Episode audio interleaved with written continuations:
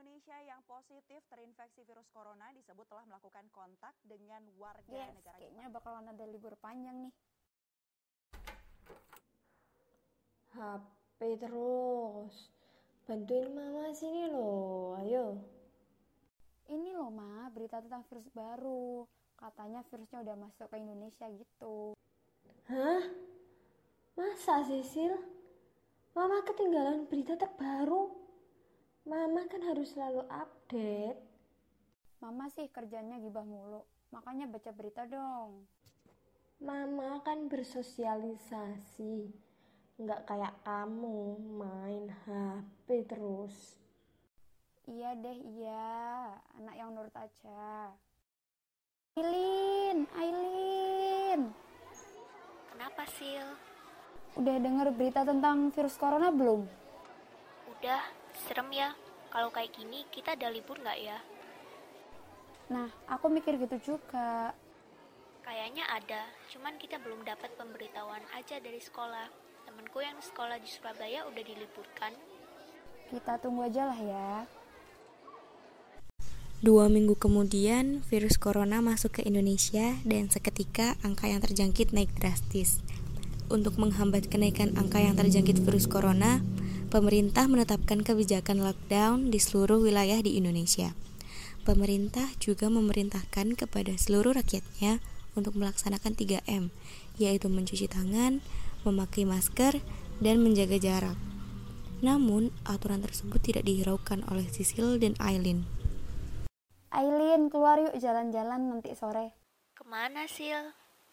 Ke cafe biasanya kita hangout. Oke deh, nanti jemput ya.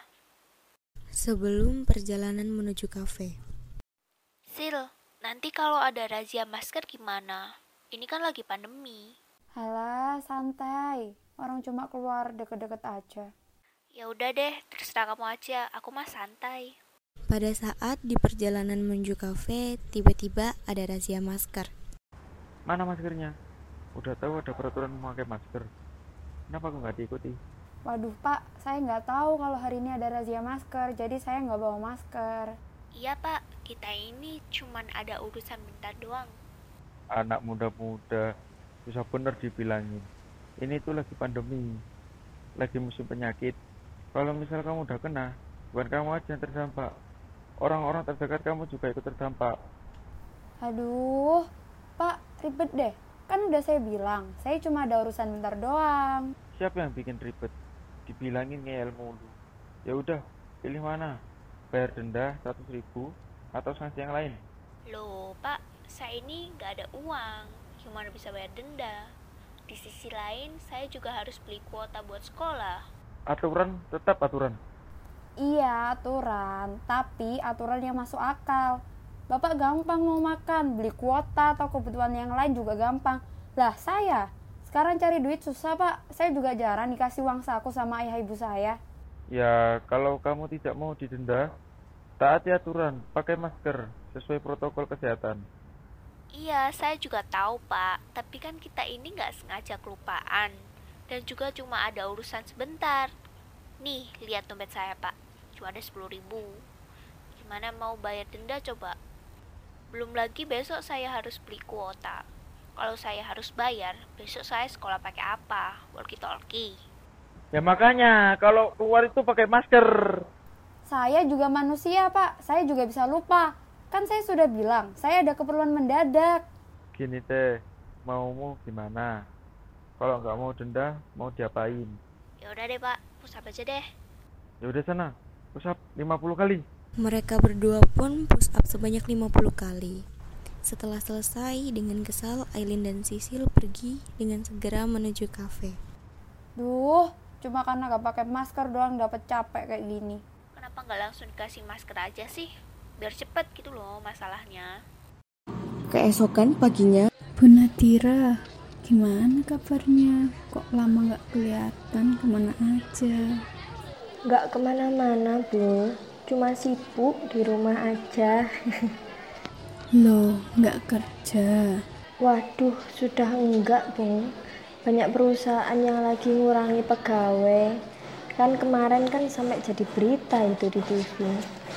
Oh gitu, gimana itu kabarnya Sisil? Kok belakangan ini saya lihat kok keluar terus sama temennya.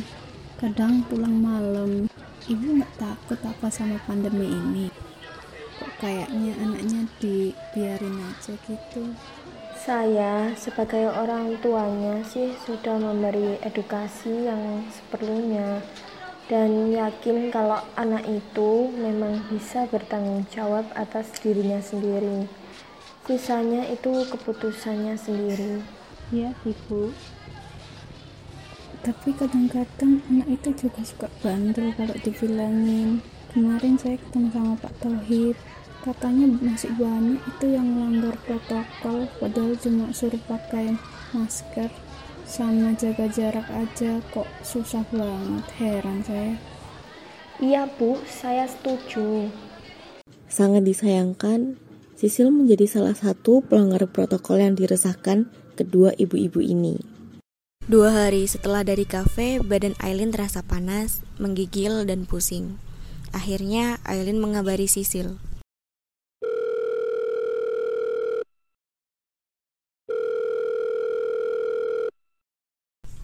Sil, badanku kok panas ya?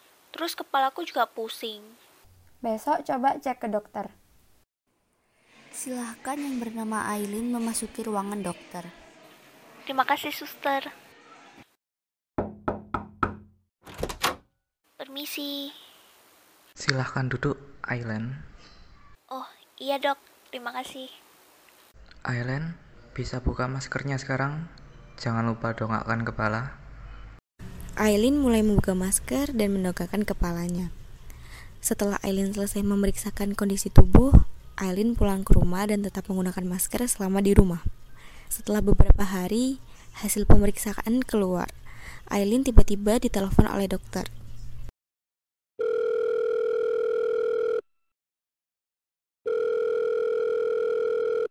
Halo, selamat siang. Dengan Aileen. Halo, dengan saya sendiri. Ada kabar apa, dok? Begini, maaf ya, Aileen. Hasil tes swab kamu menunjukkan hasil positif. Nanti malam kamu akan dijemput oleh pihak rumah sakit. Aileen seketika merasa sedih. Perasaannya menjadi hampa karena ia dinyatakan positif terkena corona. Setelah itu, ia mengabari Sisil. Setelah mengetahui kabar dari Aileen, Sisil merasa waspada. Ia berinisiatif untuk mencoba memeriksakan diri beserta keluarganya. Setelah hasilnya keluar, kedua orang tuanya dinyatakan positif mengidap COVID-19. Dengan berat hati, Sisil harus menerima keputusan dokter untuk dilakukan karantina pada kedua orang tuanya. Kerja lembur bagai kuda sampai lupa orang tua. Oh, hati terasa durhaka. Maksud hati bahagiakan orang tua, apa daya ada corona. Pusing sudah ini kepala. Sungguh kejam itu virus corona. Duh, tambah hari tambah banyak pasien. Pusing deh. Kenapa sih masyarakat gak bisa patuh sama peraturan? Padahal setiap hari sudah diingatkan. Seharusnya sebagai garda utama, kita harus mengayomi masyarakat dengan hati yang lapang. Jangan suka mengeluh, lebih baik kita berdoa agar Tuhan memberikan kemudahan dan wabah virus ini segera berakhir. Iya deh dok, semoga cepat berakhir ya. Beberapa saat setelah perbincangan tersebut, sang suster membawakan sarapan untuk Bu Nadira yang belakangan ini imunitas tubuhnya tak kunjung pulih.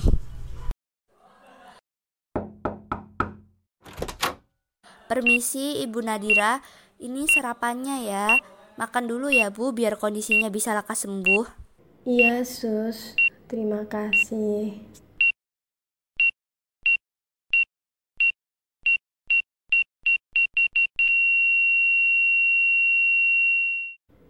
Sang suster segera memanggil dokter. Dokter pun datang dan memeriksa keadaan Bu Nadira. Sangat disayangkan nyawa Bu Nadira tidak dapat tertolong. Dengan segera dokter menghubungi Pak Gista selaku suami dari Bu Nadira. Selamat malam, Pak. Mohon maaf mengganggu hari Bapak. Saya selaku tim medis meminta maaf yang sebesar-besarnya Kami sudah berusaha semaksimal mungkin untuk memulihkan kondisi kesehatan istri Anda. Namun, takdir berkata lain. Saya dengan berat hati menyatakan bahwa istri Anda telah wafat. Innalillahi wa inna ilaihi rajiun. Gak, gak, gak mungkin dok, gak mungkin. Pasti nyawa istri saya masih bisa diselamatkan kan dok? Masih bisa kan dok?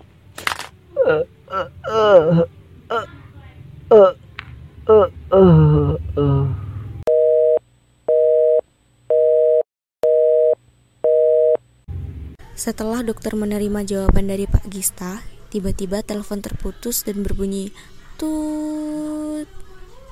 Akhirnya, Sisil menyesali perbuatannya.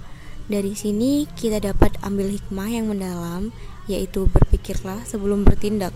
Karena apabila tindakanmu merugikan orang lain, terlebih orang terdekat, maka kamu sendiri yang akan menyesal. Selalu pikirkan akibat dari tindakanmu karena penyesalan selalu datang di akhir, bukan di awal.